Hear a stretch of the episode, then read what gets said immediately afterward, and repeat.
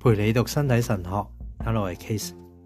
我哋喺星诶之前嘅探讨入边经有一段时间去集中讨论耶稣基督喺登山宝训嘅一番言论，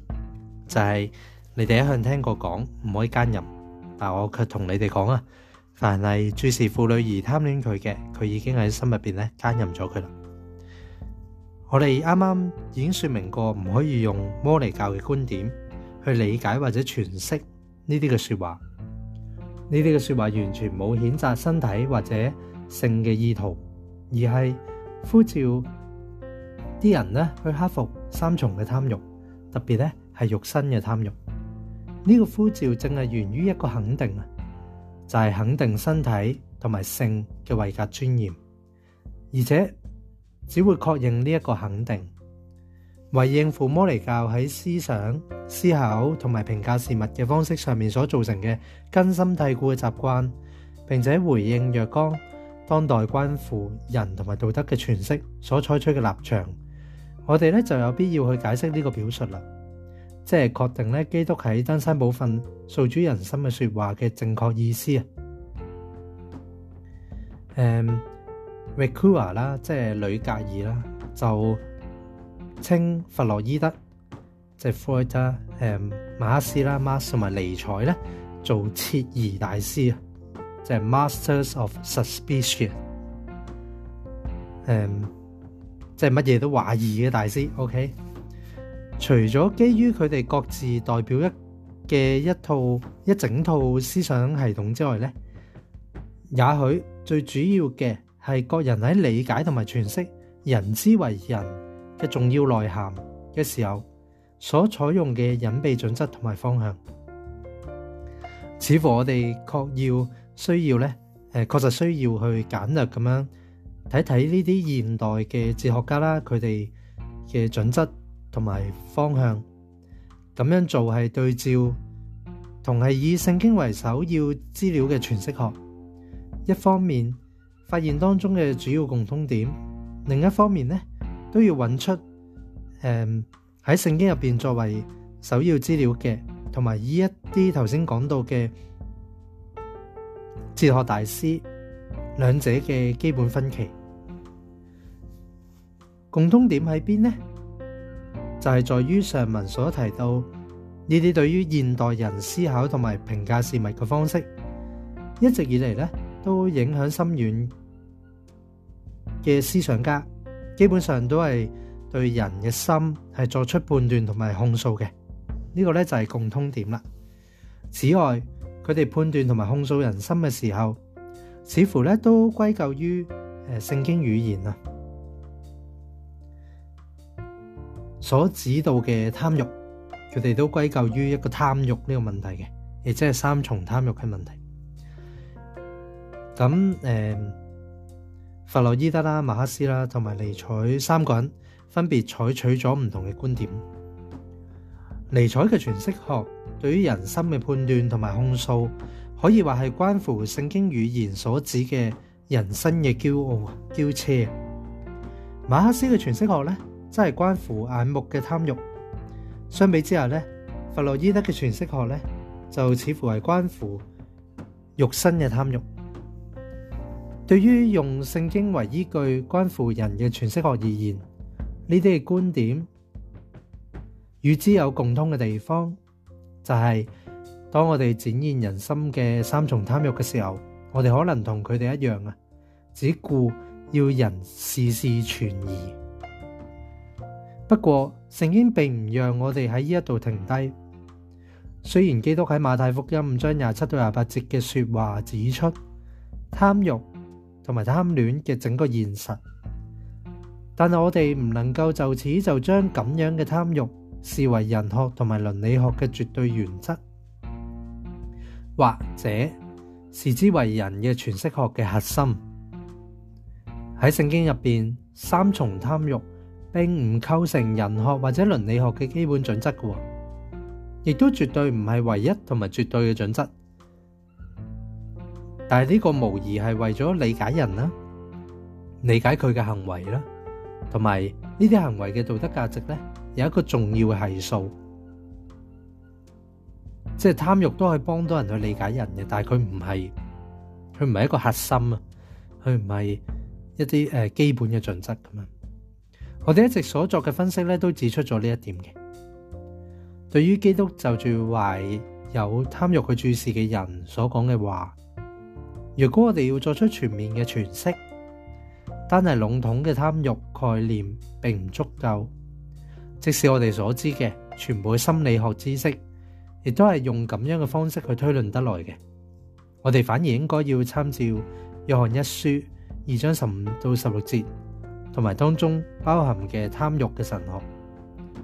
注释二：贪恋嘅人，其实就系带有三重贪欲嘅人。系带有肉身嘅贪欲嘅人，正因为咁样，佢能够咁样去注视人，并且甚至咧应该觉察得到，当佢俾咁样内在行为任由本性嘅力量去摆布嘅时候，佢就冇办法避开肉身嘅贪欲嘅影响啦。按照马太福音五章廿七到廿八节所在，基督亦都提及并且促请人去注意呢一点啊。佢嘅说话唔单止。喺述说贪欲嘅具体行动，亦都间接咁样去述说带有贪欲嘅人。既然登山宝训嘅呢一番话喺论及人心方面，同埋切而大师嘅诠释学有共通点，点解仍唔能够视之为上述诠释学嘅依据呢？或者与之相似嘅思想呢？点解呢啲话所表达同埋构成嘅道德观？系咁自然不同佢唔单止有别于摩尼教嘅道德观，亦都有别于弗洛伊德嘅道德观。我认为至今所作嘅全部分析同埋探讨，正好咧可以解答呢啲问题。简言之，喺论述马太福音五章廿七到廿八节所在基督嘅言论嘅时候，我哋唔能够停喺控诉人心入边。或者唔能够停喺要人哋要人心咧事事全疑啊，而系应该要将呢句话理解同埋诠释为诉诸人心嘅说话。呢个系从救赎嘅道德观嘅根本本质推论得嚟嘅，基于保罗称为肉身嘅救赎嘅呢个奥秘，基于所谓救赎嘅呢个现实，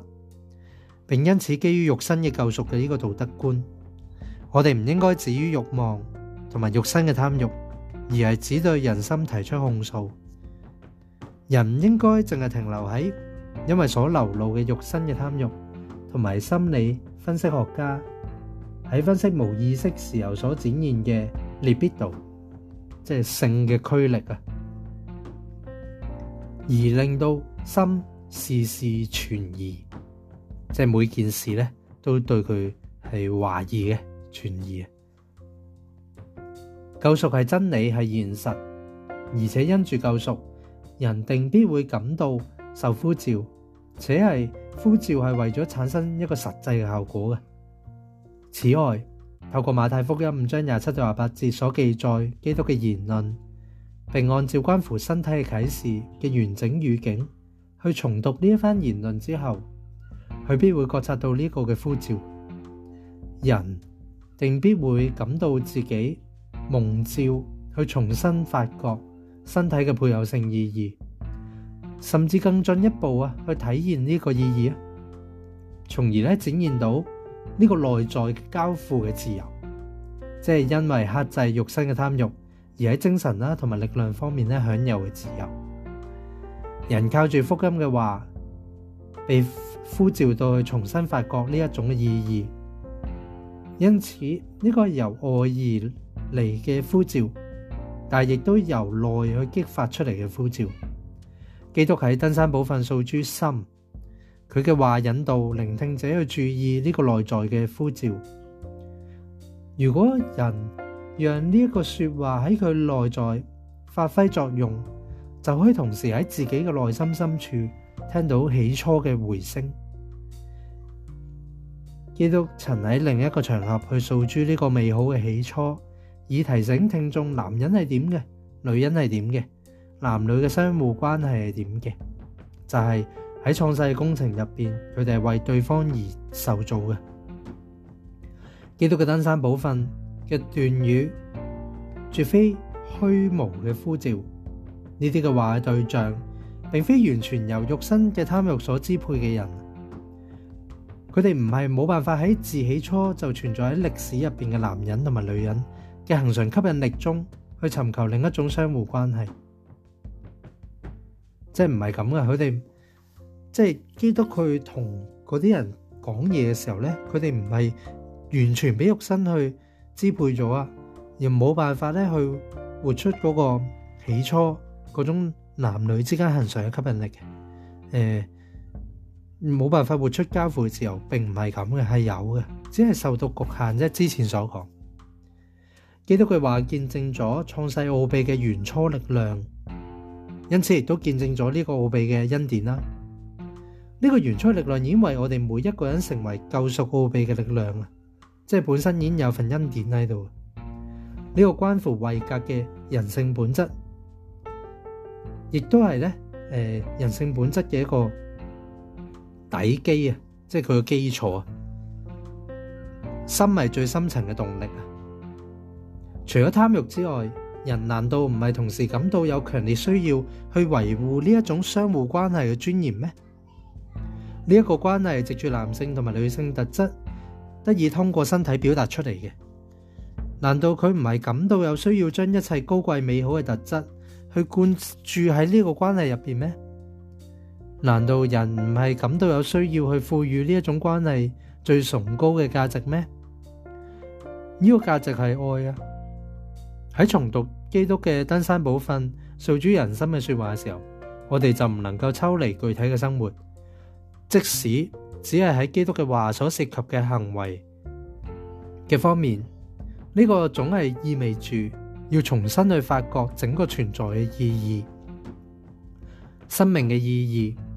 其中亦都包括身体嘅意义，即系我哋喺度讲嘅配偶性意义。可以话，弗洛伊德所指嘅性驱力系身体嘅意义嘅反面啊。事事全疑嘅诠释学系生命意义嘅反面。咁样嘅诠释学系非常唔同嘅，完全有别于我哋喺登山宝训入边，基督嘅话所了解到嘅诠释。基督嘅话唔单止展示咗另一种道德观。同时都展示咗人嘅另一种可能性。重要嘅系从心底里面，人系明确咁样知道自己并冇无休止咁样受到控诉嘅，亦都冇屈服喺肉身嘅贪欲底下嘅，而系同样从心底入边感到自己充满活力咁样受到呼召。人受到呼召，净系为咗获取呢个崇高嘅价值，即系爱。作为伟格，佢系用其真实嘅人性，因此亦都系以其真实嘅男性特质同埋女性特质，用真实嘅身体去被呼召嘅，去回应呢个呼召嘅。人系喺呢个真理入边咧受到呼召嘅，嗰个系佢自起初继承嘅产业，系佢嘅心所继承嘅，远教所继承嘅罪性咧更加深刻嘅。亦都较三重貪欲咧更加深刻。就創世同埋救赎嘅整個現實而言，基督嘅話重新激活咗呢個深層嘅產業，並且令到佢喺人類嘅生命入边咧發揮真正嘅力量。咁咧之後我哋就會去就住啱啱提過嗰啲嘅诶哲學家啦，即系頭先提到嘅弗洛伊德啦、誒馬斯啦同埋。诶尼財啦，跟住咧就會去同呢啲嘅基督嘅話咧去對話，同埋講出咧點解佢哋所傳释嘅人咧，同埋诶身體神學入边嘅人學咧係有唔同嘅地方嘅。下次再。